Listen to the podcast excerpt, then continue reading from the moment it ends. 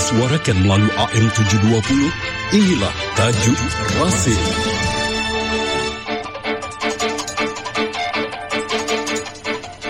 Tajuk Radio Silaturahim edisi Rabu 30 Syakban 1444 Hijriah. Bertepatan dengan 22 Maret 2023 diberi judul Plus Minus Nahdlatul Ulama Dukung Anis ditulis Tony Rosid pengamat politik dan pemerhati bangsa ada upaya sistematis untuk menjauhkan Nahdlatul Ulama, tepatnya warga Nahdien dari Anies Baswedan. Upaya ini dilakukan dengan cara menstigma Anies dengan label politik identitas. Anies didukung oleh kelompok Islam radikal dan Anies ingin mendirikan negara khilafah ala HTI. Stigma negatif ini diduga dikelola oleh kelompok profesional. Kelompok ini sengaja membidik warga Nahdien. Mengapa ya? Pertama, karena warga Nahdien adalah mayoritas pemilik suara terbesar di negara ini.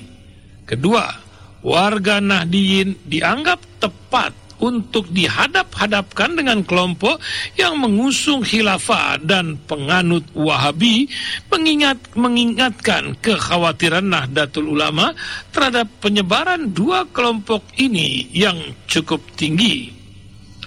Di grassroots, kedua kelompok ini sering sekali terjadi gesekan ini menjadi peluang dan trigger untuk membenturkan keduanya di gelanggang politik dengan mengasosiasikan hadirnya nama Anies Baswedan. Meski stigma ini ngawur dan hoax, juga sudah dibantah berulang kali dengan berbagai data, namun tetap saja menyebar secara masif. Sebab Provokasi ini diduga merupakan operasi yang dijalankan secara sistemik oleh para profesional. Banyak yang membaca ini melibatkan operasi kontra intelijen. Satu sisi Anies dituduh Wahabi, di sisi lain Anies dituduh Syiah.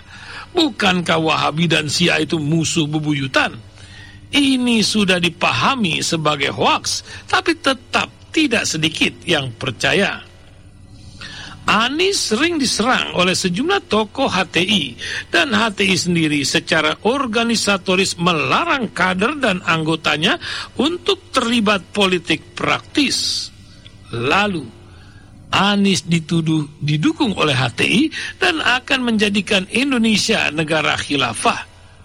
Tuduhan ini tidak berdata dan tidak memiliki argumen memadai tapi masih juga cukup banyak yang percaya. Lagi-lagi, inilah operasi politik yang cukup berpengaruh karena dilakukan secara profesional untuk jegal Anies agar tidak mendapatkan dukungan warga Nahdien. Beberapa elit PKB dan sejumlah ulama Nahdlatul Ulama telah mencoba ikut meluruskan agar masyarakat, khususnya warga Nahdien, tidak termakan oleh hoaks. Hasilnya memang masih belum maksimal. Perlu banyak ulama NU yang ikut klarifikasi. Bukan demi Anies, tapi demi kebenaran dan menyelamatkan masyarakat dari cara berpikir salah dan hoaks. Dalam situasi di mana hoaks menjadi alat efektif untuk menyerang Anies, Lalu bagaimana potensi NU mendukung Anies Baswedan? Maksudnya warga Nahdien melalui para ulamanya dukung Anies. Nah, Datul Ulama secara organisasi tidak berpolitik praktis, tapi kader NU tak bisa melemas, melepaskan diri dari politik praktis. Ini hak demokrasi yang dilindungi oleh undang-undang. Setiap warga negara berhak terlibat dalam politik praktis. Ke mana arah politik warga Nahdien? Tentu akan sangat bergantung para ulamanya. Ke mana pilihan politik para ulama Nahdien? Beragam. Di NU ada keragaman yang terus dijaga. Dalam keragaman itu, satu dengan yang lainnya saling menghargai untuk sebuah perbedaan. Jadi pilihan politik ulama dan kaum Nahdien itu beragam, apalagi jika masing-masing capres menggandeng cawapres dari NU, maka pilihan akan berbeda-beda. Jika Anies didukung oleh para ulama karismatik NU dan mereka mau meluruskan tuduhan hoax selama ini, maka dukungan warga Nahdien kepada Anies akan membesar. Anies punya kedekatan dengan NU dalam dua hal. Pertama, Anies itu santri, sama dengan NU, sama-sama santrinya. Kalau kita menggunakan kategori Clifford Gates, santri dan abangan, maka Anies itu masuk golongan santri. Sementara kandidat lainnya adalah abangan. Santri itu orang yang taat beragama.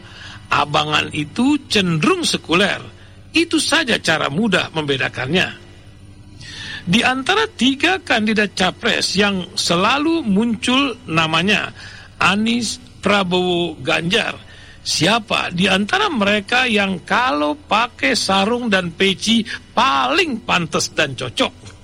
Siapa di antara mereka yang lebih disiplin menjalankan sholat lima waktu dan lebih sering ke masjid?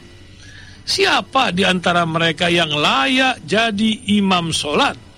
Siapa di antara mereka yang bisa baca Al-Quran lebih fasih?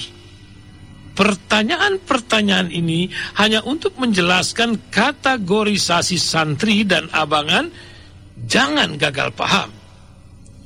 Kedua, Anies telah banyak berkontribusi terhadap warga Nahdlatul Ulama di Jakarta. Anies telah menyiapkan gedung cukup besar untuk PWNU, bisa dipakai tanpa batas waktu. Gedung itu sekarang menjadi kantor PWNU Jakarta belum lagi bantuan per tahun kepada PWNU Jakarta yang jumlahnya miliaran rupiah. Ini bagian dari kebijakan Anies di DKI Jakarta yang telah dirasakan secara langsung oleh warga NU Ibu Kota. Perhatian dan keberpihakan Anies pada bagian sosial dan keagamaan cukup besar.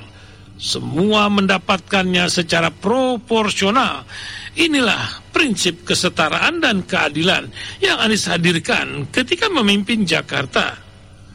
Dari rekam jejak Anies, kaitannya dengan warga Nahdien, peluang Anies untuk didukung oleh NU cukup besar. NU juga akan diuntungkan ketika dipimpin oleh seorang yang mengerti tentang NU. Dengan begitu, akan memberi ruang yang proporsional bagi Nahdlatul Ulama untuk mengembangkan diri.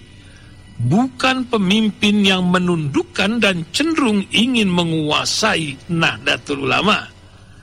Sebagai organisasi terbesar di Indonesia, NU akan mendapatkan perlakuan yang proporsional jika mengacu pada rekam jejak Anies di DKI Jakarta. Wallahu a'lam bishawab. Para pendengar radio demikian tadi tajuk Radio Silaturahim kami ingatkan setelah ini Anda dapat dengarkan